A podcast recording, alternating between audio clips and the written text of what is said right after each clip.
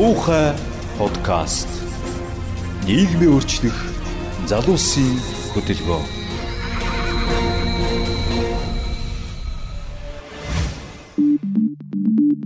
Яасан байцгаана уу? Монгол улсын нийслэл бол Улаанбаатар хотоос Уухай подкаст та бүхэнд хүрэхэд бэлэн болоод байна. За өнөөдөр Уухай подкастын маань 6 дугаар дугаарын сэдв бол боловсрол гэсэн сэдв байгаа.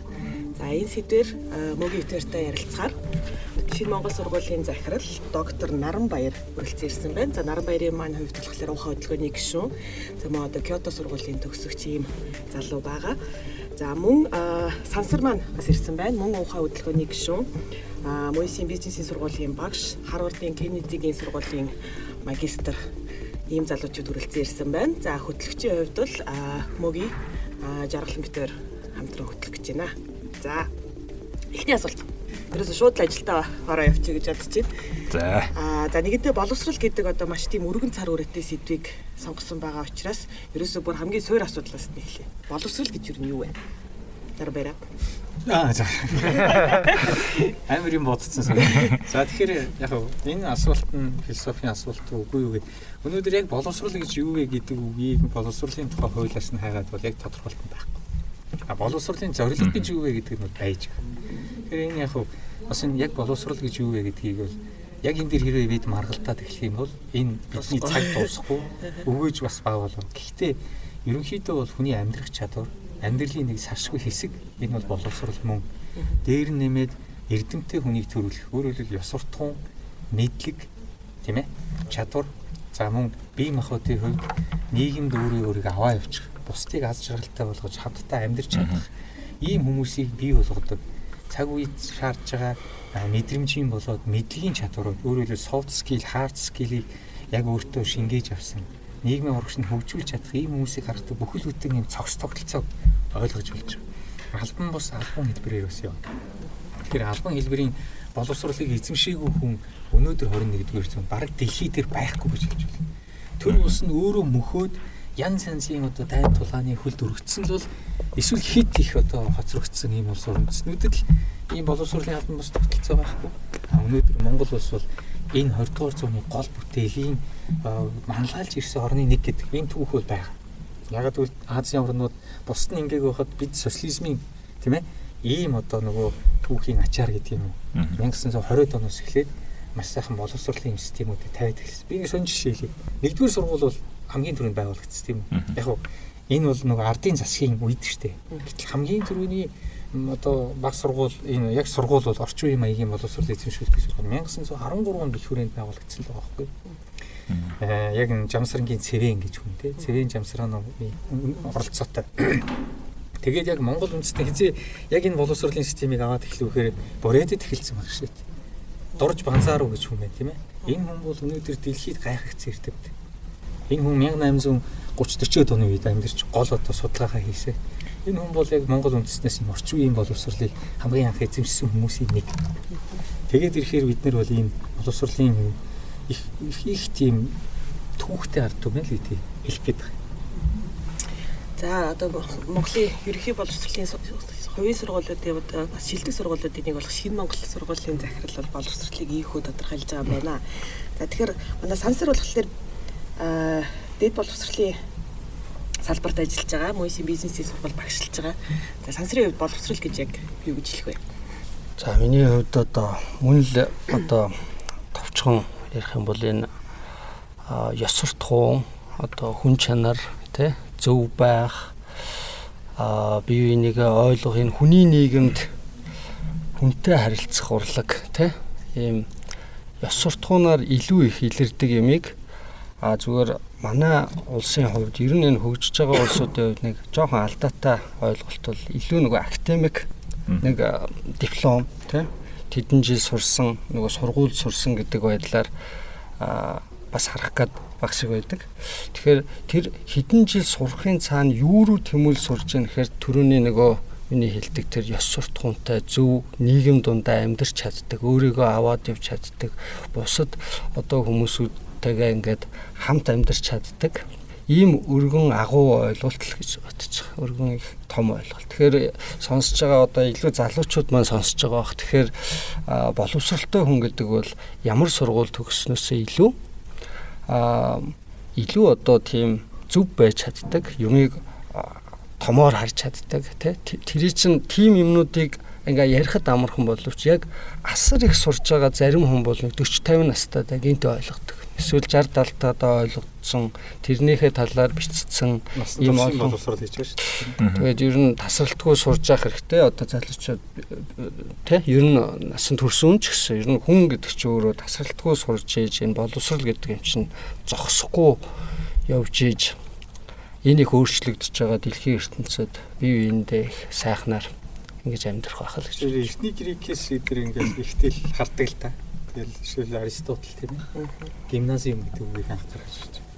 Тэгээд тэн дээр ер нь шилдэг хөвгүүд юу үзэх хэрэгтэй вэ гэдэг. Мэдээж өөрийнх нь ярьдаг философи байгаа юм. Тэгчээ дараа нь гимнастик заалаа хэрэгтэй гэж. Гимназиум гэдэг үг чинь энтэй их холбоотой. Манайхны тэрийн хүмүүжлийг яг яхаар боловсруулаар дамжуулж олгож байсан. Зүрх сэтгэлийн хүмүүжлийг олгож байсан. Тэгээд нийгэмд хэрэгтэй мэдлэг чадварыг олгож илсэн Энэ ерөөсө хувирахгүй, өөрчлөгдөхгүй. Гэхдээ яг өөрчлөгдөд байгаа фихтэй хэсэгт. Одоо яг Германы ард түмэнд мэдэгдэх нь яг тийм ээ? Прус юуэс. Тэгэхээр эндээс яаж өөрчлөгдөж чинь гэхээр яг одоо гол нь одоо яг нэг загварыг нэг ижил үзэл бодолтой. Тэгээд нэг ингээд эх орончийн юм үзлэр хүмүүцсэн ийм хүмүүсийг одоо олноор нь маасаар нь төрүүлж гаргах хэрэгтэй болчихгүй. Тэгэхээр энэ нийгмийн энэ юутай өөрчлөлт одоо тэгээд бид нэр цаашаа боловсрал юу руу яваад байна. Энэ тухай бас би ярмаар санагдаад байгаа юм л. Яг гоо монголчуудын хувьд бол боловсролын бас юм тогтолцоотой тийм тогтолцооны түүхэн юм явцтай. А тэгээд боловсролд маш их ач холбогдол өгдөг боловсролыг дээдэлдэг юм арт. Юм тийм ямар сандаа одоо нөгөө Монголын 70 сая малчин бол тэр чигтээ боловсрол зарцуулагч гэж ярьдаг шүү дээ. Одоо хүүхдүүдэд аль болох сурах сурахын төлөө одоо манай эцэг эхчүүд бүгдийг нь Улаанбаатар явуулах сонирхолтой. Зардаг тий. Аа тэгээд яг боловсролыг тэгтлийг дээдэлдэг учраас хүн болгон магадгүй одоо дээд сургууль сураач гэх юм уу нөгөө боловсролын зарим талаар үнгүүдэт ч гэх юм уу те. Нэг тиймэрхүү одоо ингээд нэг тийм дилеммад надаа манай ус эрэлт нь маш их болцсон тийм 30 жилд орчлоо шүү дээ тийм ээ тэгэхээр энэ сонин ойлголттой та бид нэр энэ түүхийг урагшна гэж хөврүүлэл харах юм. Яхаагүй буддизмтэй холбоотой хүн амын эрэгтэй хүүхдийн бараг 50% нь шавлын сууж ирсэн ийм түүх биш. Энэ тэр үеийн боловсрол нь өөрхий тэр буддизм л байхгүй. Тэгэхээр тэр үеэсээ л малчид байсан монголчууд 98 9% нь малчид л байлаа ш. Тэгэхээр тийм хүмүүс нь одоо ингэж өгөөд тэгээд эрэгтэй хүмүүсийнхаа одоо тал хувийг нь лам болгож ингэж явдаг байжээ. Энэ ардын өнөөгийн боловсруулаар солигдоод ингээ ингээ энэ хандлага ерөөсөө өөрчлөгдөв л яваад байгаа. Тэгээ би нэг сонин тоо баримт хэлье л да. Энэ жоохон эсэргүү дуулдаж магадгүй. Гэхдээ бид бодтой юмыг харж байгаа хэрэгтэй хэдийгээр олон их сургууль бай гэж шүмжлээд идэг тийм үү а гítэл за яг хуу чанармуутай сургалт явуулаад байх юм бол хүн орхол болчих шин а гэтэл шүү дээ. Энийг ийм сонирн баг химэл уян ухаанаар зээл болгож эхэлсэн одоо ийм түүх 3 жилийн өмнөөс эхэллээ тийм ээ. Ленд юм. За тэр химэл уян ухаан эхлээд ямар хөө юм яаж ирсэн гэж ингэж яах нэг ийм хандлага гаргаж ирсэн байна. Ерөөсөө бакалавр, магистр, доктор болоод ирэх тусмаа, доктор болох тусмаа ялангуяа зээлээд хугацаанд төлөх нь багасаад байдаг. Үгүй ихсэж байна. Тэгэхээр багсны болоо ихсэж байна гэсэн. Миний эсэргүү санаа эндээс харах гэдэг. Юу гэсэн үг вэ гэхээр энэ ихтэй сургуулийг чийж хичил болно, буруутгаж болно. Гэвч ингэж тэнд бакалавр, магистр, доктор хамгаалж ямар ч хэлсэн нэг номын дуу сонсоод байгаа хүн чинь зээлээ бүрэн төлчдөг байх. Яс суртахунд болж байна. Яс суртахуун нь бас арай дээр байх нь Яг очиргүй одоо эхнэр нөхрөө гэр дотроо зодоод ингээд хүнийг бусдыг аз жаргалгүй болгоод байх нь арай багасдаг. Гинт хэргийн баг гаралт бас багасдаг л байна. А тэгэхээр бас эерэг нөлөө бас байгаа юм байна тийм үү? Тэгэхээр альва зүйлийг хашиг нь ч чулууг нь ч хамт шатаах гэж ярьдаг шүү дээ. Тэр шиг ингэж хандаж өрөөсөө болохгүй. Тэгвэл хэдүүлээ Монгол бодит байдал руугаа орцгоё гэж бодож байна. Мэдээж бол сүүлийн 30 жилийн алдаа оноонд бид нэр нийгмээрээ шөөмжилдэг те босрын чанар одоо муудж гин гэж нийгэм бол тийм ойлголттой яваад байна. Тэгэхээр а бас эсэлтийн шалгалт байна уу эсвэл улсын шалгалтын оноо ингээд буурч ин Монгол улсын босрал ингээд чанаргүй болж ин гэсэн тийм нийгмийн шүүмжил ерхий ойлголт бол байгаад байгаа шиг байна. Тэгэхээр таны хувьд ер нь манай ерхий босрлын чанар сүүлийн 30 жил сайжирж гин үү ер нь сайжрах тийш байна уу? Ер нь энэ эсдийн шалгалтын оноо ч юм уу, усын шалгалтын оноо ер нь юуг одоо харуулт юм бэ? За үүгээр биш үү? Яг дагнан судалсан хүн яг хариуцлах дуурах бах. Би зүгээр фронтын эхний игнэнд ява дайчин гэдэг утгаараа ярихад бол яг сүүлийн жилүүд ерөнхий шалгалтын хэмжээс оноо дундаж оноо нэх тэгэж шилвэлтэй. Учиргүй сугарч дээшлээгүй, нэх унаачгүй тийм ээ. Ийм байгаад байгаа. Зүгээр хамгийн гол оноо бол элстийн ерөнхий шалгалтын хэмжээс ер нь элстийн ерөнхий шалгалтын дундаж оноо л гэж харах хэрэгтэй. Хот хөдөөгийн ялгаа үнэхээр их байна. Энэ бол санаа зовох асуудал. Хоёрт элстийн ерөнхий шалгалт гэдэг бол яг 12 жил сурсан хүүхдийн гол одоо үр дүн шүү дээ. Тэгэхээр энэ шалгалт өөрөө яаж явж байгаа гэдэг өөрөө их чухал. Жишээл хүний үндсэн чадвар, суур мэдлэгийг яг суулж гаргаж яах нь зүгээр аз сугалсан ийм тест маягаар яваад байна уу? Жил жилийн шалгалт хооронд нь харьцуулах үс ийм нөгөө нэг ноён шугам нуруутай яваад байна уу? Гинт хүндрэл, гинт хөнгөрөөл, гинт хүндрэл ийм байна уу? Түрүүн бид нар нөгөө нэг ёс суртахад ёс суртан хүн төрүүлж гэнүү гэдгийг нэстийн шалгалтаар одоо харуулж байна. Улсын шалгалт бол тийм их ач холбогдол багтай. Ягаад гэвэл жишээлбэл 12 дугаар ангид орц хүүхэд улсын шалгалт үгээ дээр нь элстийн шалгалт өгч өг. Ач холбогдол улсын шалгалт. Ягаад гэвэл чи 10 дугаар ангид орсон юм бол ихтэй сургуулийг зорж ийн гэсэн үг. Тийм үү? Ихэнх нь. Тийм тохиолдолд ихэнх хүүхдүүд эсэлтийн ерөнхий шалгалт өгдөг учраас хэрвээ эсэлтийн ерөнхий шалгалт өгөхгүй 12-оор өөрийнх нь боловсролыг дуусгая гэвэл улсын шалгалт өгөх хэрэгтэй. Тэгээс хоёр ийм компаничлсан шалгалтыг нэг дор нэг сарын дотор авах нь бас жоохон зохимжгүй байна Тэгэхээр энэ улсын шалгалтын яг энэ дүнгийг бол харьцуулаад хэлээд байгаа хэцүү. Шалгалтын дүнг барт гэдэг бол тийм ер нь чанар сайжирж байгаа юу юу гэдэг зүгээр одоо яхав юм а субъектив байдлаар хэлэхэд одоо тэгэхээр сансэр баг хэдэн жил багшилж байгаа юм гэсэн үг. Одоо нэг 10 гаруй жил багшилж байгаа. Тэгэхэд л яг одоо та эндээс л хэлж байна. Тийм одоо ханд орж иж байгаа бүтээгдэхүүн. Одоо ерөөсөө за одоо Наранбаярын багшийн босруулж байгаа бүтээгдэхүүнүүд ямар чанартай бол ийм байна. Энэ би бол 2089 оны хүний өмнө л хариуцлага өгөх юм. Шинэ Монголын төгсөгч 2089. Аа за ойлголоо. Гүү одоо та бол одоо та манай сургуулиас авсан төгсөгчд ямар байна? Энийг энэ дээр хэрвээ хэлвэл би хариулж байна. За. Энийг тэгж ойлгох хэрэгтэй шүү. За тэгвэл за би нэг ерөнхий те одоо нэг хоёр сургуулийн юунууд мэдээж одоо манай шинэ Монгол сургуулийн төгсөгч маш мундаг төгсөгч нар байдаг.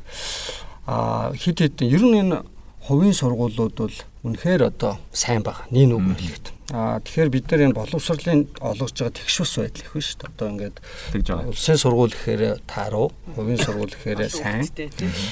Аа тэгээд төлбөр мөнгөний зөрүүнүүдээр ингээд яг жигд явахгүй бүр цаана платформ нь тийм тоглоомын дүрм яваад байна л та. Тэгээд зарим хүүхэд зайлуул өөрсдөөс нь хамааралгүйгээр тэгээд тэр хүүхэд 7 настай тий ямар гэр бүл төрснөөс үл хамааран юу сурахыг баг дунд боловсролтой сурах хэрэгтэй байхгүй. Юм сурч сурах хэрэгтэй а надад би юу гэж хэлэх гээд байна гэхээр зүгээр ерөнхийдөө энэ ихтэй сургуулийн фронт дээр юмыг сурч чадах юмыг сураагүй их байна өөрөөр хэлбэл бичиж чадах.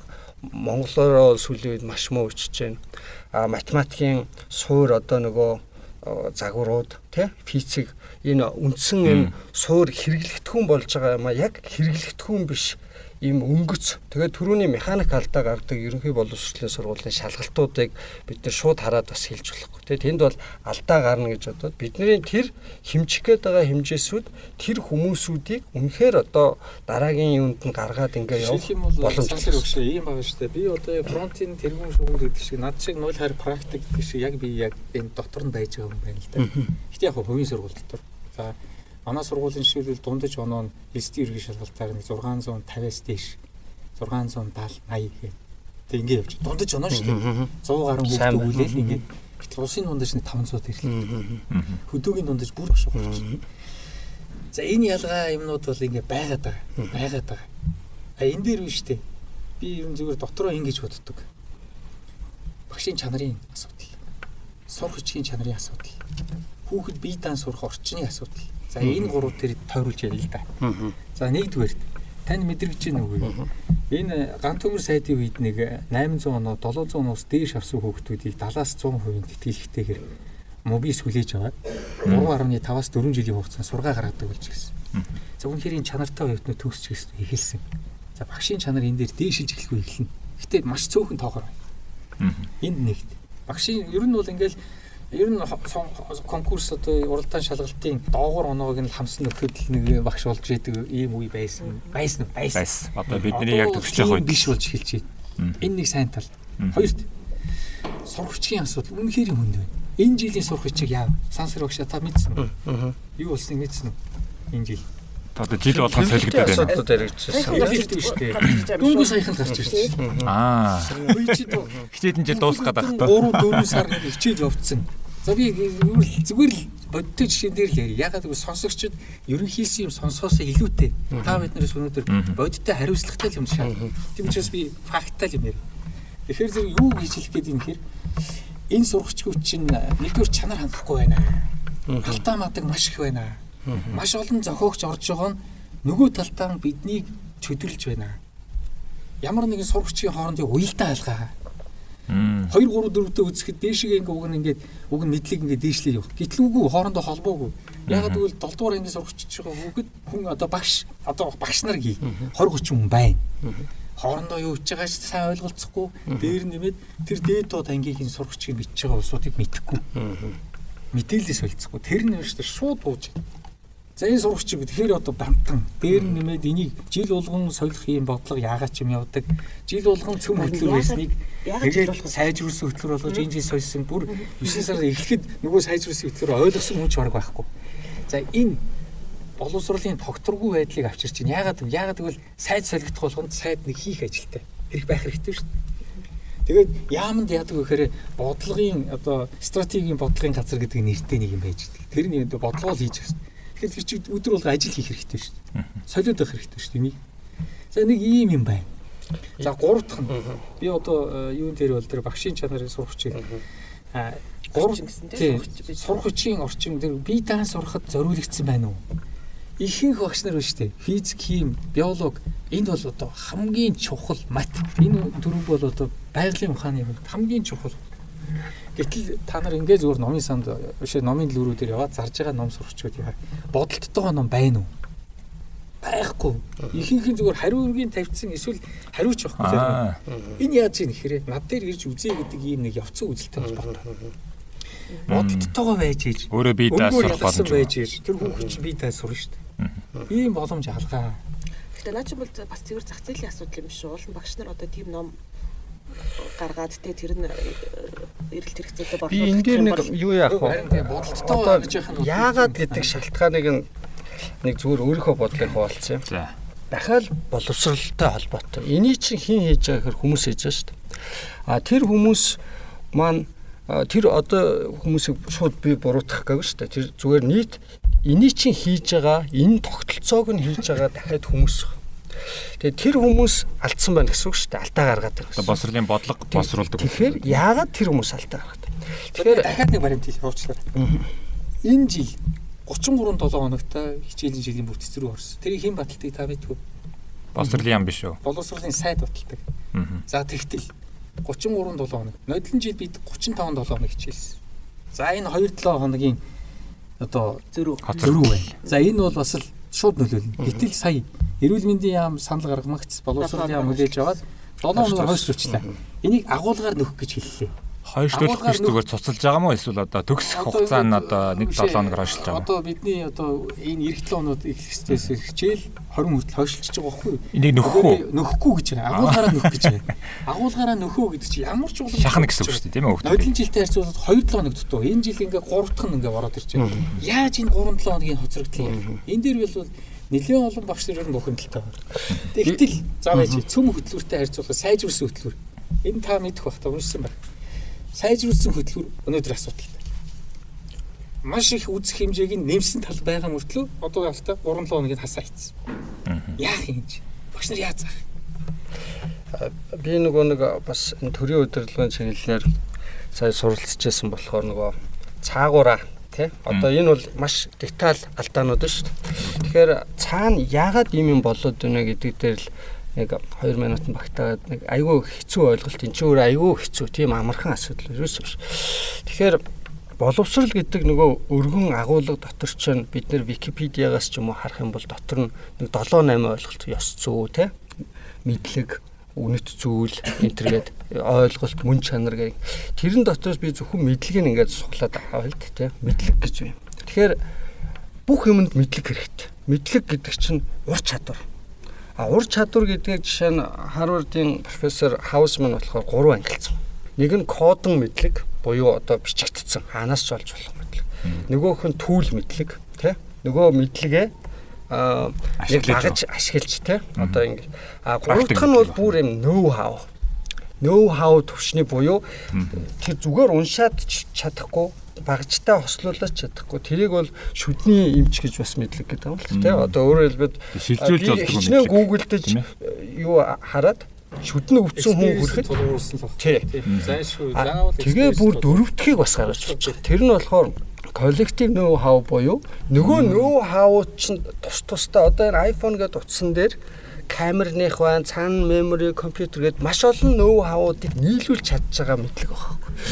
Тэгэхээр би юу гэж хэлэх гээд байна гэхээр манай энэ бүх салбарт ялгаагүй хүн боловсрол ш. Бид нэр яг тэр юмаа хийж чаддаг тэр үнэхээр тэр бодлого тэр дээр бүх төвшөнд тийм мэдлэгүүд хэрэгтэй байгаа. Тэгэхээр үнэхээр тэр юмыг хийж чаддаг. Одоо жишээ нь боловсролын салбарт бодлого боловсруулагч нар тэрний шат шатартаа ажиллаж байгаа хүн болгонд үнэхээр тийм нөө энэ бодлогын боловсролын салбарыг хөгжүүлдэг тий олон жилийн тэр нарийн нөө хав байна уу тий хэрвээ байхгүй бол сурч чадсан уу сураад тэрийгэ өөртөө биедээ шингээгээд тэр салбартаа шингээгээд Монголынхоо онцлог шингээгээд чадсан уу. Ийм л юм. бас яг ойлгож байна. Гэхдээ энийг өөрийн чинь асуултад хариулахын тулд те ямар ч одоо хариулах тун хэцүү. Яаж үнэлэх юм? Одоо тэр төрийн албаа агчдыг яаж үнэлэх? Би төрийн албанд өөрөө байсан. Би төрийн захиргааны судлаар Киотогийн их сургууль төгссөн л те. Энэ чиглэлээр хамгийн хэцүү салбар бол үнэлгээний салбар. Энэ өөрөө их маргаантай. Хамгийн гол нь бид нэр ямар философиэр тулгуурлаж явах вэ гэдэг асуудал. А тэгээд биш яг гоо саяны гол санаа нь би нөгөө үнэлэхтэй биш. Одоо үнэл үнэлж барихаас илүү үнэлгээ чиглэл явуулчаар. аа биш биш би яаж үнэлэх үү барих уу гэдэг нь биш. Угаасаа бид нар хавтгаагаараа чадахгүй байна л гэж хэлэх гэдэг. Наад чадахгүй. наад чинь бол миний бол зур хувийн бодол бол юм байхгүй. Бид нар бол яг хаа 30 жилийн өмнө ингээд арчсан хувьсгал зах зээл мах зээл энэ төр гэл хад нийгмийн хөв шилжилт хийлээ шүү дээ. А тэгэнгүүтээ тэр хугацаанд за яг одоо ингээд чөлөө зах зээл рүү шилжлээ энэ төр гэд маш олон салбарт реформуд явагдсан. А тэр дунд боловсролын салбар бол бас ерөнхийдөө тийм томоохон хэмжээний бүр юм суур одоо үдл санааны хувьд реформ хийгдээгүй салбаруудын нэг магадгүй. Яаж ийм вэ гэхлээр юм төвлөрсөн бүтцтэй. Тийм үү? А, гэтээ Яавал төсөв маш дээр олон бол Яг нь их оролцож байгаа шүү дээ. Бид байна. оролцож байгаа. За би нэг зүгээр л жишээ ярив. Би яг 90 он гээд яхад одоо 90 он гэхэр чинь би 84 онд орсоор 6 дугаар анги л байж хэлтэй. 7 дугаар ангид ороод тэгээ 91 онд 8 дугаар ангид ороход миний ахын үзчихсэн сурагчийг үзэхгүй шүү. Энэ бол коммунист Энэ Гэдэг. чинь хэрэглэгдэхгүй. Зөвхөн миний ярьсныг сонсороо тэгээ тэмдэглэж аваад энийг одоохондоо Аа, сурагчийг гараагүй байна. гараагүй байна. Энэ ямар салбар вэ? Түүхийн салбар байсан. Энэ юу гэж хэлэх гээд байна гэхээр боловсролын салбар харин ч хамгийн хурдан үзэл санаагаа өөрчилж өөрчилж хийсэн. Яагаад тэгэхээр вэ штэ? Угаасаа заасан юм хуучирчдаг байхгүй да. Үгүй гэхдээ яг тэр би зүгээр сурах хүчирч гэдэг юм уу заах одоо арга барилын хувьд ч гэдэг юм уу заах тэр одоо судлагдхууны хувьд яриаггүй а яаж ийм вэ гэхээр одоо тэр тухайн салбарын менежментийн хувьд яриад тахгүй тэр яг боловсролын салбарын хувьд бол одоохондоо ингээ харъя. Байж боловсролын 10 жилийн салбарын боловсролтой байсан. Гэтэл одоо 12 жилийн боловсрол руу орчлоо Монгол улс. Энийг харьцангуй богино хугацаанд хийчих жоох байхгүй. Энэ чинь өөр амар том мэс заслах. Тэгээд тэр чинь сургуулийн удирдлага юмнууд бол маш өөр болж байгаа. Сургуулийн ачааллыг бол эрс нэмэгдүүлсэн. Монголын мэдээж одоо нөгөө э, анги тагин хөрс хэрвээ чи 8 настайгаас Одоо гурван 10 жил, ээлжээр 10 жил очих юм бол энэ- болоод байгаа нэг шалтгаан. Жил жилдээ ороод байгаа эсэгчдийн тоо цөөрчин гэсэн үг шүү дээ. А зүгээр энэ бол өөрөө дэлхийн одоо 12 жилийн сургалтын систем рүү орсон маш том шинжил байлаа. Зөвийн үед бол зөв 12 байх нь бол зөв. гэтээ зүгээр шилжих процесс удирдлага өөрөө өөрчлөгдөж чадуу үгүй юу гэдэг асуудал тийм ээ. Гэтэл одоо хичээлийн эрхлэгч нь менежер гэдэг нэртэй захирлууд нь ингээд тэгээд нийгмийн ажилтан гэдэг бүр бүхэл бүтэн ийм тогтолцоо ороод ирсэн. Ямар ч гэсэн нэг барууныхны маягийн юм байгаа шүү. Удирдлага. А гэхдээ бид юун дээр алдаад байна? Энэ боловсролын удирдагч удирдлага улсууд улс төрийн хамааралтай байгаа.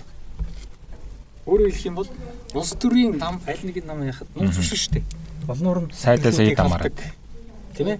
Үгүй харин яг наадын чинь бэл ярих гэдэг. Яаж ийм вэ гэхээр одоо яам бол маш одоо өргөм өрг функцтэй тийм одоо тэр сургачгийг хүртэл баталж штеп. Магадгүй тэр яаман дээр батлагдах хэвээр зүйл мөн үү биш үү гэдгийг бас бид нэр ярьж болно тийм үү. Аа тэгээд одоо жишээлбэл одоо нөгөө нийслэлийн аймаг дүүргийн боловсролын газар мазар гэл тийм үү. Одоо юм хүн суртал гэдэг юм уу Том том бүтцтэй. бюрокраси ихтэй юм том бүтцтэй. Нэг сургууль дээр магадгүй одоо ерөөсөө тийм одоо хангалттай бас эрх мэдэл байдгүй. А гэтэл бид нар GDP-гийнхаа 20%-ийг боловсролын салбарт зараад байгаа. Тэ бидний одоо яг нийт нийлбэр дүнгээрээ боловсролын салбартаа зарцуулж байгаа мөнгө бол ийм одоо хөгжингөө орнуудын төвшөнд байгаа байхгүй юу? Би бол яг нөө эдийн засгийн хувьд болохоор яг тэр талаас нь хараад байна. Мөнгө нь яаж зарцуулагдаж гин тийм үү шийдвэр хаана яаж гарч гин а түүнээс биш тэр 10 жил байж байгаад 12 жил болдог гэдэг ч юм уу те тэр мөр бол зүгээр яг юм академик. Юу юу одоо наад төсвийн чинь их их өвнө штэ цалиндаа биш заяа. Үгүй 50% барилга. барилгын зардал нөгөө оохрын ингээд л ханыг ингээд Тэгэхгүй тийм ойлголт бол байдаг. Гэтэ бол одоо жишээл би саяхан одоо нэг юм дунд сургуулийн одоо Орхон аймгийн нэг дунд дундаж дунд сургуулийн төсвийг харж байгаа байхгүй. 53% нь цалингийн сангийн зардал. Тийм ээ? А тэгэхэр чин бол яг бас нэг тийм нийтлэг бидний ойлголтоос бас харьцан өөр байгаа сте тийм 53% нь цалингийн сангийн зардал гэхлээр бас болж байгаа. А гэлээ гэхдээ цалингийнх нь одоо нөгөө сангийн одоо бүтцийг аваад үзэнгүү тийм одоо нөгөө ажилтаа албан агч нарын бүтцийг аваад үзэн шүү дээ тийм үү?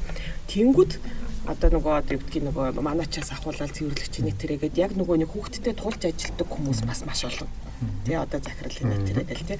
А тэнгуүтээ нөгөө талаас а нөгөө багш нараа бид нар бас айгу тэмүр ашигтай байдлаар зарц одоо юу гэдгийг нэг байршуулах багшгүй. Яаж ийм вэ гэхэлэр тэ одоо жишээл нэг одоо юу гэдэг физикийн багш байлаа гэж бодоход тэр тэр зөвхөн ингээд ахлахаа ингээд физик заадаг ч гэдэг юм уу те. А гэтэл одоо жишээлбэл барууны одоо зарим системүүд чинь болохоор илүү тийм одоо хөрөх чадвартай те. Нэг сайенс багш гээд тэр нь ингээд ингээд 5 дугаар ангиас нь эхлүүлээд ч юм уу. Төсөө өөр ойлголтууд л та. Гэхдээ чи би задлаа цааш нь явъя гэхээр цаг хүрэхгүй байна. Гэхдээ биш а нэг юм баг багшийн ачаалал хизээ үүсдэг гэж. Жишээлбэл нэг багшгүй. Өөрхийн амтыг 6 та цаа 7-д нэг жишээлбэл 6-гийн 1 буюу 6-гийн А, 7-гийн А, 8-ийн А, 9-ийн А, 10-ийн А, 11-ийн А, 12-ийн А хүртэл заая гэж бодъё.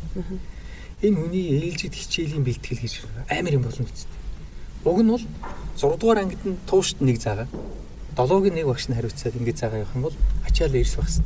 Гэтэл өнөөдөр яаж юм? Ихэнх төрлийн сургуулиуд ийм зохион байгуулалт.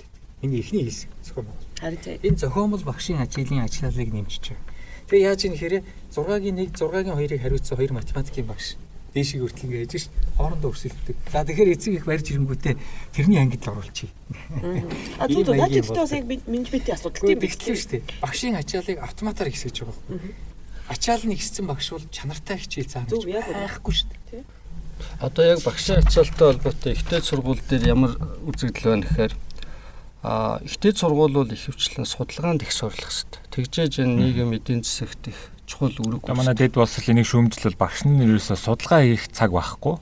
Яг би тэрийг л хэлэх гэдэг л одоо одоо шал өндөртэй бас байгаад байдаг. А цаг ямар цагч үлээ нэг юм байдаг ш. Тэр нь одоо ямар хөө багшийн ачаал гэдэг нөгөө үндсэн хичээл заах а судалгаа хийх буюу бэ цаг тэгээ бусад гэдэг ингээд нэг ийм гурван юмд хуваагаад явдаг.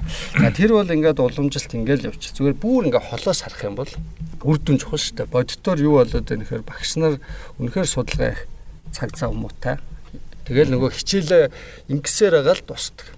Хоёрдугаар түрүүн цалингийн за тэр бол ингээд айгүй чухал. Энийг яривал одоо зөндөө цалингийн асуудал. Ерөөсөө энэ олон улсын туршлагаас харахад багш нарын цалин бол ер нь маш өндөр байх хэвээр. Тэгжээж хөдөлмөрийн зах зээл дээр хамгийн сайн хүмүүс багш болохын төлөө өрсөлдөн.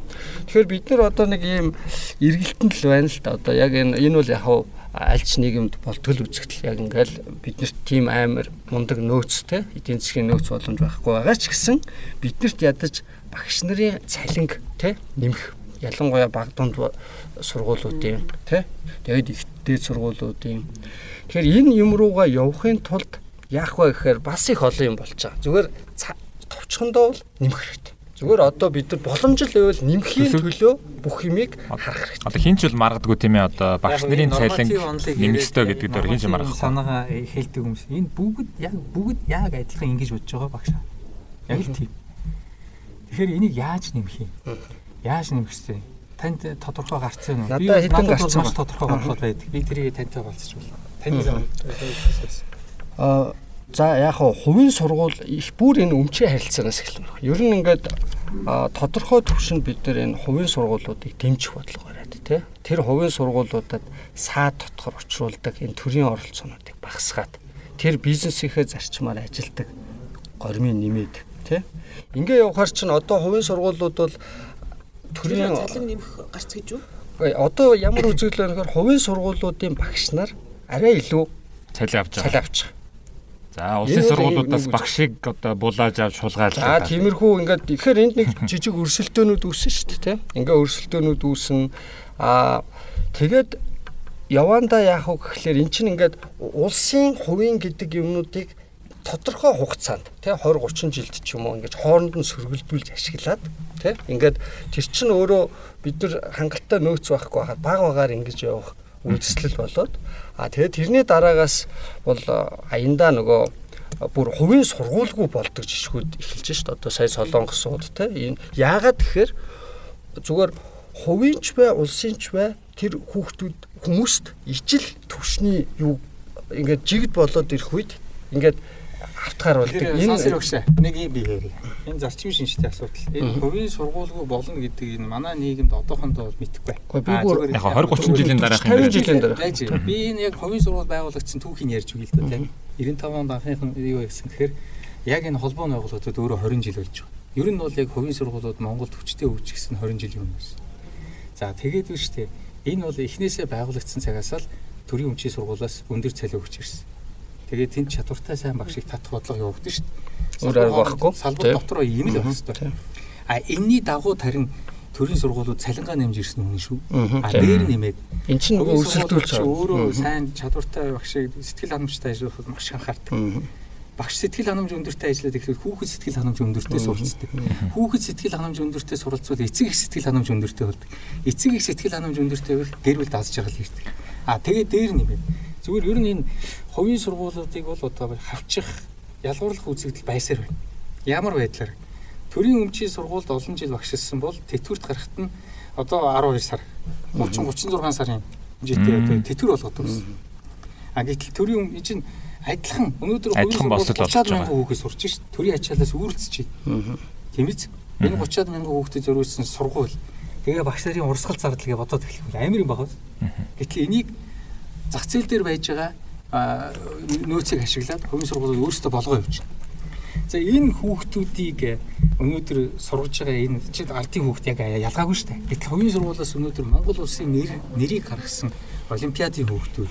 За мөн Монголоос өнөөдөр дэлхийн хэмжээний ихтэй сургууль ихэвчлэн эсэж байгаа нь хувийн сургуулийн хүүхдүүд байна. Тэгээ эдгээр чи ирээдүйд бас илүү э, одоо сайн орчин. Монгол бий болгох. За, гэтэл энийг үгүйсэх ч юм уу Одоо тэгээ ингээд ингэснийхэн төлөө хувийн сургууль болохгүй. Тэр бол. Урамшуул болохгүй. Төрөөс одоо багш мэрэгжлийн хүнд олгоно гэдэг энэ бодлого өгөхгүй. Ингээд яваад байх нь бол өөрөө бас хувийн сургуулийг яаж ил байна л да. А хувийн сургуулийн хэрэгцээ бол хаач байна.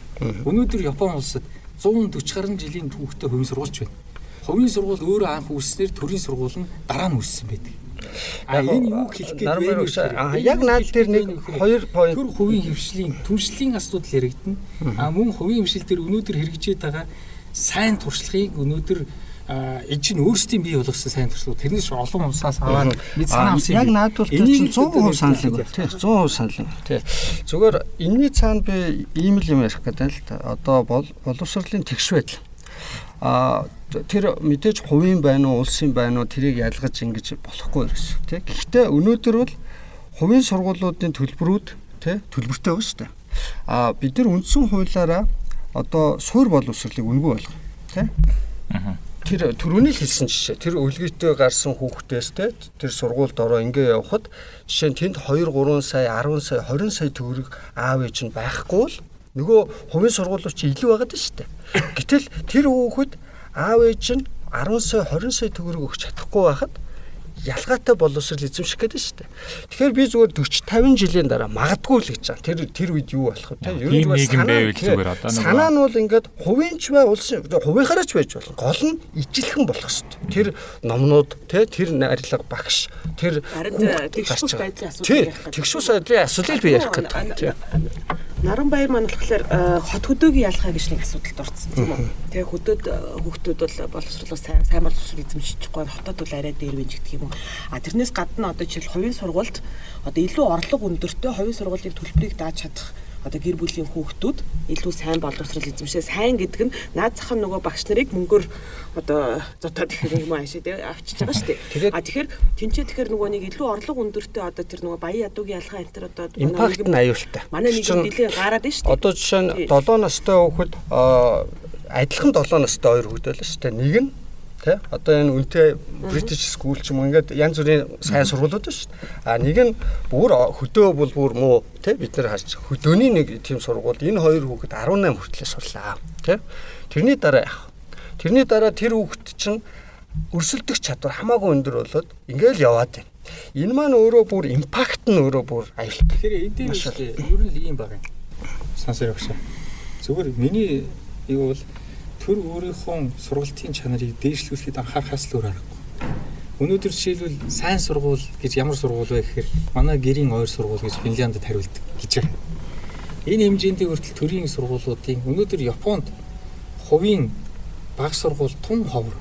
Гэхдээ байдаг өндөр төлбөртэй. За гэтэл төрийн өмчийн баг сургуулиуд нь өнөөдөр сурвалцах орчин, багшийн чанар энэ бүх зүйлээрээ зарим хувийн сургуулиудаас баг илүү шүү. Тийм л хэмжээнд хүрчихсэн байгаа. Тэгэхээр энэ цаг үеийг авчрахын тулд бид нэр одоо тогтвортой боловсролын одоо үйл хугацаанд дайр яг ирээдүүлж хийгсэн энэ хэмжээнд ийм мөрөөдлийн орнууд шиг болохын тулд яах ёстой. Монгол улс бид за 1913 онд анхныхаа сургуулийг байгуулжээ. Тийм ээ. Би одоо Дэлгэр хангаас өмнө яваад гайхсан. Дэлгэр хангаас өмнө сургууль чинь 1924 онд одоо дундгой юм 24 онд ерөөсөө л ийм гоё төвхтэй байхгүй юу? Тэгээд тэндээс манай хангаа тариад яг үүндээ та нар хөдөө гараад хөдөөний одоо хүүхдүүд муу байна гэж хэдийгээр энэ яг ерөнхий тохиоллоор хэлж байгаа. Тэр ганц ганц тохиоллоор нь харахад мундаг хүүхдүүд зөндөө бас байна шүү дээ. Байдаг. Ягаад гэвэл өнөөдөр өөрөө боловсрал биш үү? Интернет хөгжөөд, сошиал нэтворк хөгжөөд, янз бүрийн YouTube ашиглаад хүн өөрөө өөрийгөө боловсруулах бүрэн боломжтой болоод. Аа 2030 он руу одоо чиглэсэн OECD за тэгээд ЮНЕСКО за World Economy Forum энэ одоо голлох гурван think tanker байгууллагуудын ерөнхий санаанууд нь гарчаад байна. Асуудал юу? Заавар зөвлөмж бүгд байна шүү дээ. Асуудал юунд байна гэхээр ерөөсөө л нэг юм хэлээд. AI буюу хиймэл оюун ухаантай зэрэгцэн орш боловсруулалтын асуудал. Хүн хүн байх чанар нь юу юм бэ? Креатив байх, бүтээлч байх чанар, мэдлэг бүтээх гэж үе. Хүмүүс хоорондын харилцаа ямар байх хэвтэй. Тэрнээс биш цээжлүүлэн тогтоох энэ юу арга барил юмнууд бол тун одоо хурдтай ач холбогдлоо алдаж эхэлж байна л да. Тэгэхээр өнөөдөр бид нэр багшийг яаж бэлтэх вэ? 2030 он руу яаж одоо монголчууд бид зэрэгцэж орох вэ? Зах зээл биднээс ямар одоо боловсрол хүчийг шаарддаг тийм ээ? Энэ болгоныг их мэдрэмжтэй хийж боловсрол дээр өнөөдөр маш хурдтай ийм нөгөө махинац гэдэг юм уу хөдөлгөөн хийж бид нар энийг хурдан боловсруулж явах бол цаг үе бидний хүлээх. Миний хувьд бол яг боловсролын салбарт нэг ойрын 5 жилийн 10 жилийн тий ойрын хугацааны төлөвлөгөөний хувьд бол нэг ийм л зүйлийг уриалмар санагтаад байна. Одоо яг цэвэр одоо жишээл эдийн засгийн гэдэг юм уу нөгөө төрийн удирдлагын өнцгөөс харахад. За одоо ямар ч альч нам тий 20 онд сонгогдоод боловсролын одоо яамны сайдыг танилцсан бай. Тийм ээ одоо яг тийм академиктэй одоо тэр сурах хичээч гэдэг юм уу эсвэл одоо нөө сургалтын хөтөлбөр те тэр жилмэл тиймэрхүү зүйлийг ерөөсөө огт оролдохгүй байя. А юун дээр төвлөрч ажиллах вэ гэхлээр одоо тэр нөгөө төсвийн зарцуулалтын одоо задаргаа тийм үү? Цалингийн багшнарын цалин хэд өвийг зарцуулах юм. Тэгээ бид нар бол үгүй хангалттай төсөв зарцуулаад байна гэж байна тийм үү? 20%. Гэтэ энэ дээр хэлэх юм ба хангалттай биш шүү. Барилга барьж байгаа төсвийг нь хасах юм бол маш бага шүү. Үгүй ээ гэхдээ яг тэр бол айлч газрын одоо төсөвт орж байгаа л тийм үү. Тэгэхээр бид нар бол 20% одоо тэр баг зардлыг зарцуулаад байгаа. Тэрнээс бол дээш бол манай төсөв заахгүй. А гэхдээ тэр 20% дотроо яаж менежмент хийх үү тийм үү? Хэдэн хувийг нь юунд зарцуулах вэ? Би надаас ч юм уу жоон санал төрөх юм байна. Барих уу? Эсвэл барилга түрээслэх үү? Жишээлбэл. Тийм бас одоо жишээ байж болж байна. Заавал түр одоо ингээл аваачаад одоо цөмөр шийдлэн энэ дээр би яг санаанууд яриа тий. Одоо дараагийн 10 жилийн манай боловсролын бодлого гэдэг маш нарийн юм байдаг. Гэтэл барилга түрээслэх замаар сургалт явуулж эхлэх юм бол сургалтын чанарч унахад хүрнэ. Ягаад гэж өөрийн стандарт байх хэрэгтэй. Анги танхим чи өөрийн стандарт. Үгүй тийм ээ.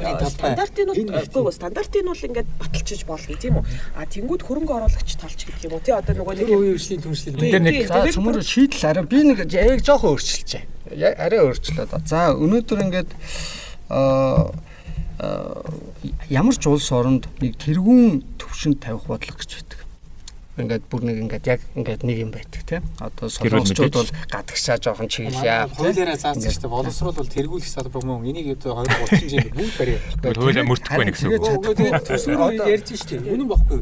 Үнсэн эвзэгтийн 20% бол Ба тэгээ би яриагаа дуусгаад тэл да. Одоо тийм бойлоо энэ Хоёр багш нартаас айгүй оршил ихтэй байна. Тэгэхээр араа одоо бид нэр ингээд бүр мэдгэдөхүйц нүдэнд үзэгдэж гарт баригдахүйц тэр хүнд хүмүүст те бодит импакт нь яг тэр мэдрэгдэхүйц тийм тэргүүн игнэндээ тавих хэрэгтэй. Үнэхээр тэрийг чухалчилсан хүмүүс жинхэнэ утгаараа. жинхэнэ Урайл утгаар оодсон. зүгээр юм урайл оодсон байгаа байхгүй. Энийг бид нар яаж өөрчлөх вэ те? Тэгэхээр ядаж энэ одоо энэ сонгуульд өгч जैन энэ сонсч барьж байгаа хүмүүс ирээдүйд энэ залуучууд маань э, бодлого боловсрол Уриалгаацсан гэдэг үгэн дээр би бас арай жоохон би тодорхой жишээтэй ярив. Ягаад гэвэл боловсрол сургалтын байгууллагууд биш үү өнөөдөр татвар төлдөггүй. Төлөхгүй. Ягаад гэвэл эзэн засгийн тэргүүлэх салбар учраас өнөөдөр зөвхөн үйл хөдлөх хөрөнгө өмчийн Тийм, тийм, тийм, тийм байгаа. бусад ийм төлдөггүй байхгүй. Тэгэхээр энэ төр чинь бас анхаарат л штэ бас. Үгүй аа мэдээж анхаарах. өгч сонсоо. Би нэг санаа одоо заяа. цөмөрөө эн чинь боловсрал ярьж байгаа боловсралтай болж те би энийхээ бас тодорхой минутууд энэ төр олгоод цөмөрөө ярилцах хэрэгтэй. Тэгэхээр миний зүгээр санаа болохоор э, төрийн бодлого бол бүр мэдгэдөхүйц жин даахүйц бүр ард нэртээр эн чинь цөмөрөө боловсрал жоохон э, судалдаг ойлгодог хүмүүс. Хүн болгон ойлгох судалгаа алгүй шүү дээ. Тэр хүмүүст хүртэл аа манай улсын бодлого юу энэ шүү гэж явах замаар бид нар маасаараа олуулаа бодох хэрэгтэй. Одоо бид нар бүр юм нарийн жижиг юм яриад бүтэхгүй юм бэл. Одоо тэр энэ одоо цөмөрөө илүү наривчлалт түрүү ярьлаа шүү. Энэ юмнууд бол аяндаа ямар үе шийдэгдэх үг гэхлээр ийм том юмнуудаа, том зарчмуудаа шийдэх замаар доошоогоо Тэг би сансар айгу бодиттой мэрсэн шүү дээ. Зүгээр тэр одоо төс төсөө яа зарцуулж байгаагаа. Тэгээд Наад дээр чи над- илүү хүндээ чигсэн байдаг. бодлоготлаас нь. Тэгээ а түүнээс биш зүгээр нөгөө нэг тэр суух хүчтэй зуралдаад академик юмтай бид нар ингээд зуралдах байдлаар нөгөө яамны хүмүүс одоо нэг ажил хийх гэдэг нь шүү дээ тийм үү? Тийм байдлаар биш. Одоо яг нөгөө аль улс ингээд илүү босролтой анхаарал тавьдаг энэ төсвийнхаа хэдэн хувийг босрлоо зарцуулж гин гэдгийг нь харьцуулаад байдаг те. Тэгээ түрүүн манай төсвийнхаа 20% нь босрлоо зарцуулж байна. Энэ бол бусад улстай харьцуулахад бол өндөр байна. Зарим хөгжин биш ээ. яг хуу эжилч байна те. Зарим хөгжингүй орноос өндөр байгаа. Нь Сингапур нэг 10 хэдэн хувьтай байдیں۔ А тэгсэн мөрдө чанарын ялгаа гаргадаг. Энэ үрээсээ 20% зарцуулдагаараа нэг тийм бахархаад байх зүйл биш. Яагаад тэгэхээр түрүүний наран баригчны хэлдгээр төсвийнх нь 20% гэдэг байгаа. Маш их хувь нь шинэ барилга шинэ барилга барих сургууль. Ягаад тэгэхээр өнгөрсөн 30 жил хугацаанд бид нөгөө хүүхдүүдийн тоогоороо тий хангалттай сургууль бариагүй учраас ингээд нөхөх хэмжээнд бол яваад байгаа. А тийм учраас бид нөгөө босролтой хэр анхаарч байгааг тэр барилгын төсвийг нь хасаад төсвийнхаа хэдэн үеийг зарцуулж байгаа гэдгээр нь хэр их босролд анхаарч ийн хэр их тэргүүлэх салбар болгож байгаа гэдэг юм би хармаар байгаа байхгүй. Тэр утгаар хасчвал манайхаа харин төсвийнхаа маш бага хувийг яагаад тэгэхээр бид нар багш нарын цалин ярьж байна. Дээрээс нь өндөр төсвийн зарцуулдаг бол Дүн нь мөрөө баг тийм дүн нь мөрөө 80 баг. мянган Бид нар багш цалинжуулдаг шүү дээ. Бас одоо нөгөө төрийн нийт алба- албан агчдын тоо өндөр байх нэтэр гэдэг тэр дунд нь тийм үү? багшны цалин Талбай- багш нар байгаа. Багш нар үйждэг тийм үү? Тэгэхээр нар бид нар мөнгө бол хангалттай зарж байгаа. Үгүй ээ. Би бол тэнтэй бол огт санал нийлэхгүй. Яагаад багш нарын цалин тэгвэл би бол ингээд одоо нөгөө инфляцийн нөлөөг асаад бодит цалин те. Мөнгөлтэй яг адилхан бодолтой байна. Одоо би нэг Яахаараа тийм их мөнгө зарцуулсан бол Энгельсийн нөгөө коэффициент өндөр амьдрахаас өөр аргагүй болчиход байгаа юм багш. энэ нэг бодит нэг ерөөсөө бодит нэг факт хэлээд. Яагаад тэгэхээр одоо бид нар бол нөгөө багш нарын цалин бага байна гэж яриад байдаг те. Сүүлийн 4 жилийн хугацаанд одоо багш нарын бодит цалин биш үү? Инфляцийн нөлөөг асаад 4 жилийн хугацаанд бол буурсан байлээ шүү. 10 хэдөө буурсан. Тэгэхээр бид нэр 20%-аар зарцуулаад байна ингээд хангалттай зарцуулаад байна. Явандаа энэ болчихно гэж яриад байгаа хэрэг байхгүй. Гэхдээ би бодит болчихно гэж одоо сайн зарцуулж чинь гэдэг нь их мөнгө зарцуулж байгаа боловч менежмент нь муу байна. Менежментийн асуудал байгаа. Гэхдээ би бол бүр бүр төсвөө нэмэх хэрэгтэй. Бүр 30% нь байна. тийм. Багш нарын одоо жишээлбэл одоо түрүүний нөө Наранбаяр хөшиг Менежментийн ч асуудал байгаа. Одоо нөгөө багш нарын ачааллыг хэмлэлээр нэмэгдүүлдэг тийм үү одоо илүү олон одоо 5 хүн ажиллах бол юмн дээр 3 хүн э, 10 хүн ажиллуулдаг ч гэдэг юм уу те гих мэдчлэн тиймэрхүү алдаанууд бол зөндөө байна. А тэгэхээр бол зүгээр яг энэ өнцгөөс хараад яг цэвэр тэр зүйл дээр одоо нэг эх дөрвөн жилд одоо одоо нэг боловсролын яамд ажиллаж байгаа хүмүүс маань аа тогт тогтож энэ дээр бодлого боловсруулах гэж би хувьдаа бол хүсэж байгаа байхгүй. Одоохондоо би бас нэг гарцыг харж ил байна л да. Нэгдүгээрт энэ нөгөө юуг энэ хувийн хөвшлийн хөрөнгө оруулалтыг боловсролын салбар руу хэрхэн татах вэ гэж. Цаашид энийг бол нэлийн татахгүй болов штэ. Төр өөрөө барилга нэмж орой л байвал энэ төсөвч нь ихэнх нь тэрлүүгээ ороод ерөөсөө багшийн бодиттой орлого болж чадахгүй. А хувийн хөвшил э, жишээлбэл одоо хурдан эргэлдээд мөнгөө салгаж авангуудаа гараа гараа гэдэг үйлчлэгээний салбар. Одоо янз бүрийн үйлчлэг, ресторан, бар, тэ хотелч гэдэг юм уу, уул уурхайч гэдэг юм. Ийм салбар руу биш боловсрол руу хөрөнгөө оруулж гэдэг асрыг хариуцлагыг өөртөө авч ийн гэсэн үг байхгүй. Энийг их зөв ойлгох хэрэгтэй. Одоо бид нар бол энэ хувийн хөвшлийн хүч чадлыг боловсрол руугаа хэрхэн оруулж тэднийг зөвөр ашиглах вэ гэдэг нэгт юм. Хоёрт төрийн албаны тухай хуулийг задлах хэрэгтэй. За энэ би тодорхой саналууд хэлж хэлж шин. Энэ яагаад вэ? Багш эмч тэгээд төрийн жинхэнэ албан хаагч тэгээд улс төрийн албан хаагч нэг хуулийн дор байж дээ. Гэтэл энэ дээр юу үүсдэг вэ гэхээр цалингийн асуудал ярихаар нөгөө эмчнэр нь барьцсан. Тэгээд жинхэнэ албан хаагч шатлын асуудал. Тэгээ манай төрийн албаны цалингийн шатлал үндсэн цалин нэмэлт бол маш төвөгтэй систем татвар тооцоод юу ч хүн ойлгохын арга 10 хэдэн юутай энийг хялбар болгох хэрэгтэй. Энэ дэлхийн банкны өгсөн зөвлөгөө шүү дээ. Аа тэгээд биш үү би юу хэлэх гээд байна гэхээр шил багшийн хуулийг багшийн одоо яг багаар нь тусдна. Эмчнэр нь эмчнэр нь тусдаа. Ингэж ээж энэ дээр чи уян хатан зохицуулт хийж болох юм байгаа үстэй. Төрийн албаны шалгалт авч төрийн албыг ингэ яадаг бол энэ төрийн жинхэнэ албан хаагч танцог л байх хэрэгтэй. Тэр байтугай орон нутгийн албан хаагчид ч гэсэндээ өөр Ийм учраас энэ дээр бас бид нэр уян хатан ийм тогтолцоо руу орж байж хөшин байдлыг арилгаж байж энэ юуг яа. Тэгэхгүй бол одоо багш нар тэмцээд эхлэмэгц хэцүү шүү дээ. Эмчнэр нь бас давхар яагаад нөгөө тал нь хавтгараад явчихдаг. Энийг цэрэг цагтаа нь Наран багшийн хэлсэн санааг нь жоохон тайлбарлах хэрэгтэй байх л та. Яагаад багш нарын цалин ингээд тэмцээд байхад нэг айлтгаар нэмэхгүй байгаа юм те. Багш нарын цалин нэмээд нэмчүүл дагаад бааханд бусад төрлийн албан багш нарын цалиныг дагаад нэмэх шаардлагатай байдаг учраас Одоо багш нарын цалийг 5% нэмэнгүү ташраар нь нэмэхгүй бол болдоггүй. Салах хэрэгтэй гэдэг нь тандаа санал нэг байна.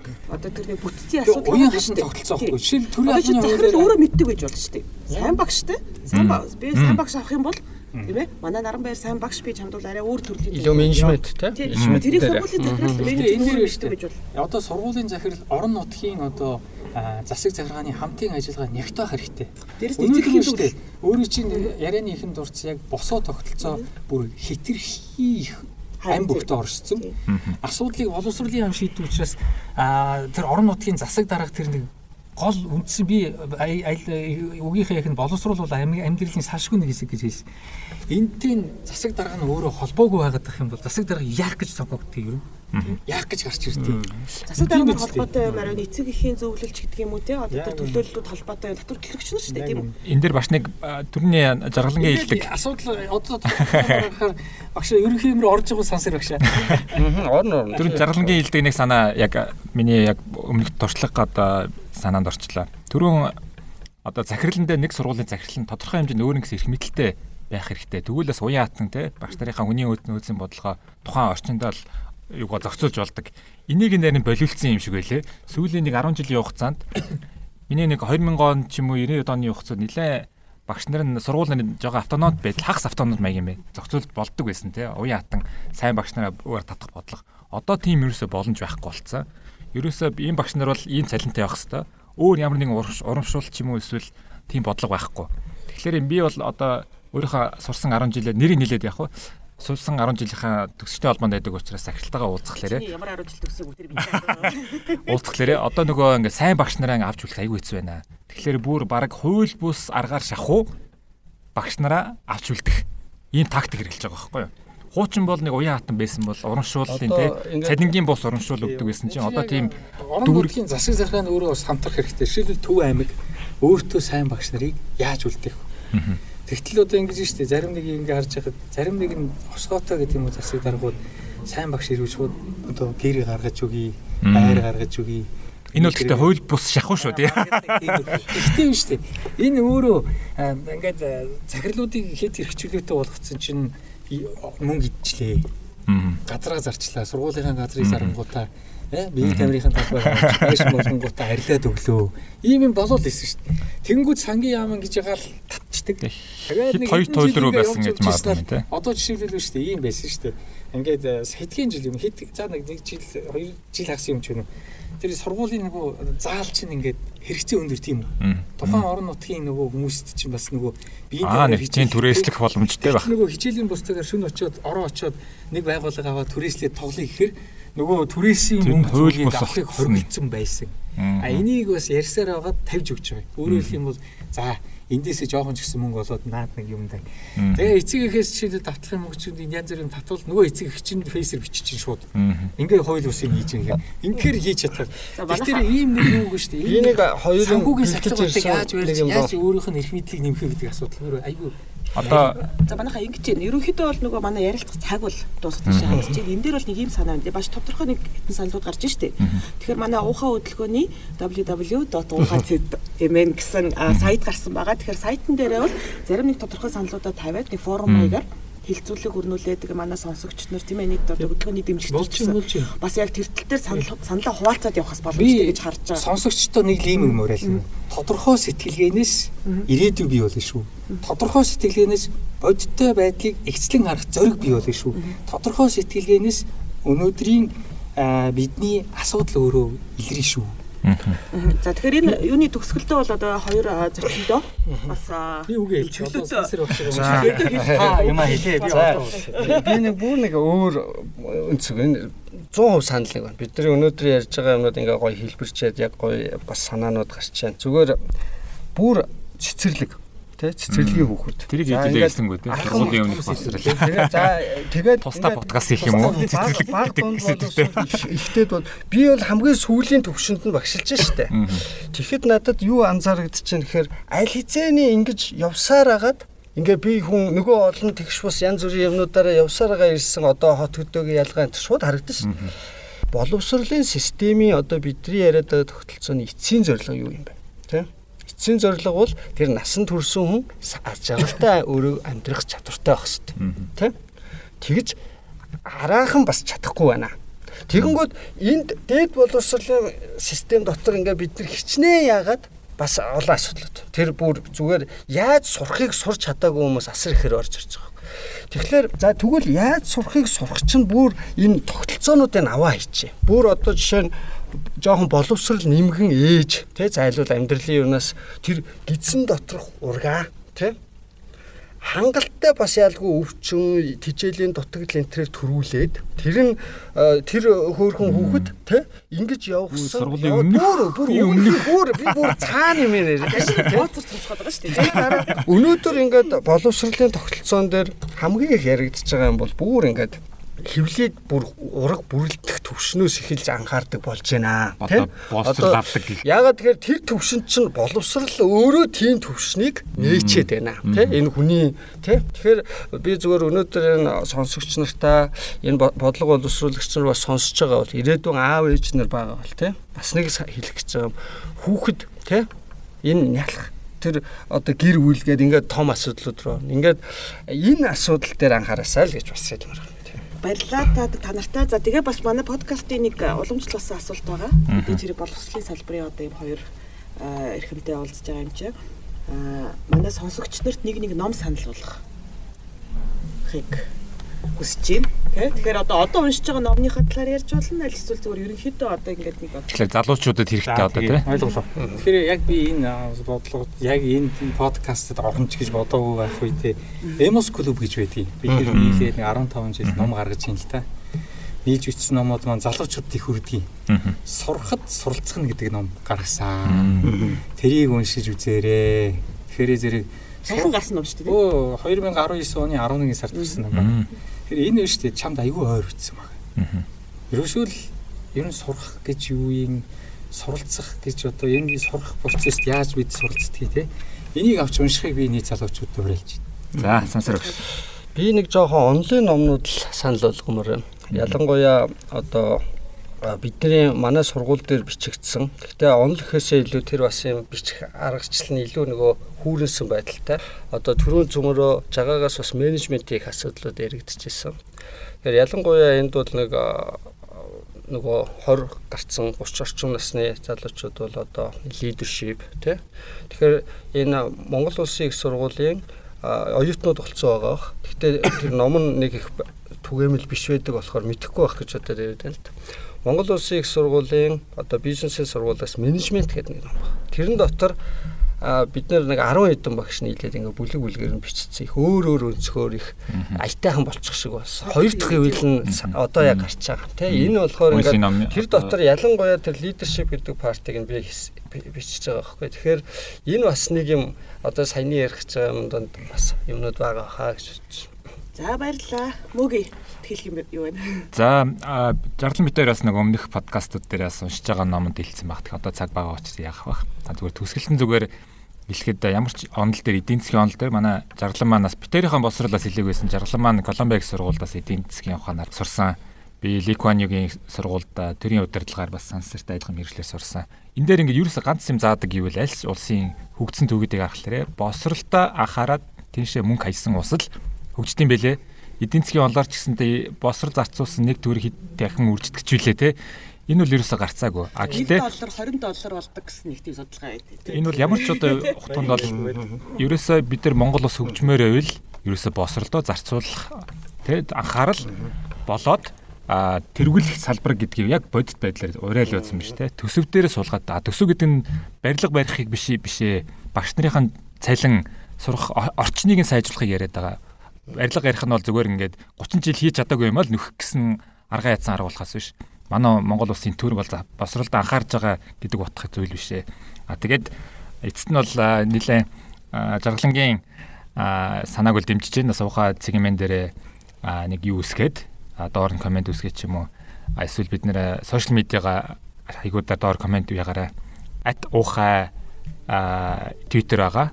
А тэгээд уухай хөдөлгөөн ингээд пэйж байгаа Instagram ч байгаа, уухад клуб гэж байгаа, уухаа хөдөлгөөн ингээд YouTube ч байгаа. Энэ бүх сувгуудаараа бид нэр өнөөдрийнхэн подкастыг хөрөх болно. Тэгээд дараагийн дугаар хүртэл уулзтлаа баяртай. Жаргалан манаас хаагаад үгэлэх үү. За за баярлаа. Нийт оролцогч нартай баярлаа, сонсогч нартай баярлаа. Баяртай. За баярлалаа баяртай. Баяртай.